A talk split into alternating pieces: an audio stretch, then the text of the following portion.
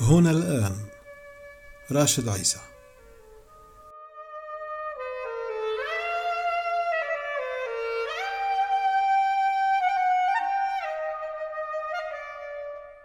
الزمان الرابع من شباط فبراير 2006 المكان دمشق.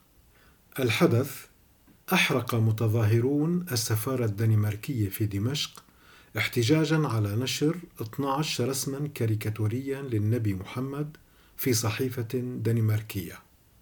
رح تقول لي عزيزي المستمع بس إحنا جايين نسمع هنا الآن وأنا رح أقول لك ما أخطأت العنوان. اللي عايش بالشام بيعرف جيدا أنه يستحيل الاجتماع لأكثر من شخص واحد من دون علم المخابرات. هذا إذا لم يكن الاجتماع في الأصل من تنظيمها. مين ممكن يصدق أن تثور مظاهرة في نص الشام بل وتتجرأ على اقتحام السفارة الدنماركية وتقوم بإحراقها؟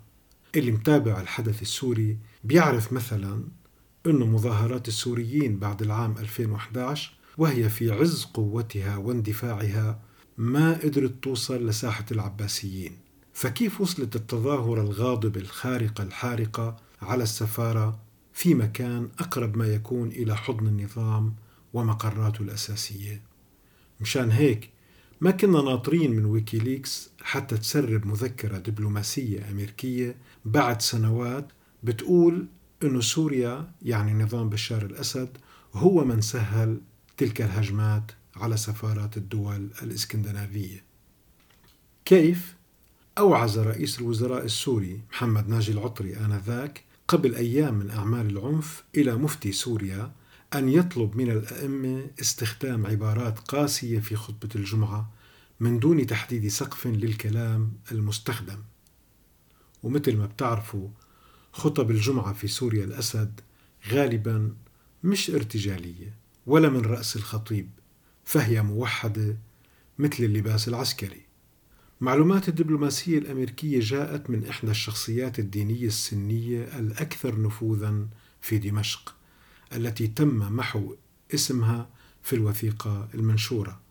واللي قال كمان أن الحكومة السورية أفسحت المجال لاستمرار أعمال الشغب فترة مطولة وعندما رأت أن الرسالة وصلت تحركت لوقف لوقفهم مهددة باستخدام العنف.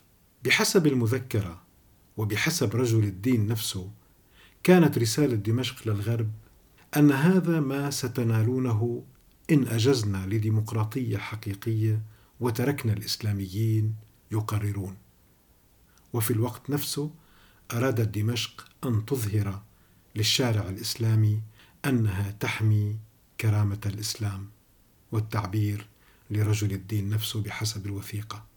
بهذاك الوقت كان مر حوالي سنة على اغتيال رئيس الحكومة اللبناني رفيق الحريري. وكان نظام الأسد يمر بواحدة من أخطر أزماته الدبلوماسية. وكان نشاطه الأثير مثلما دائما توزيع رسائل بشتى الطرق أن المنطقة كلها ستتحول إلى مستنقع أو محرقة إذا جرى الاستغناء عن خدماته.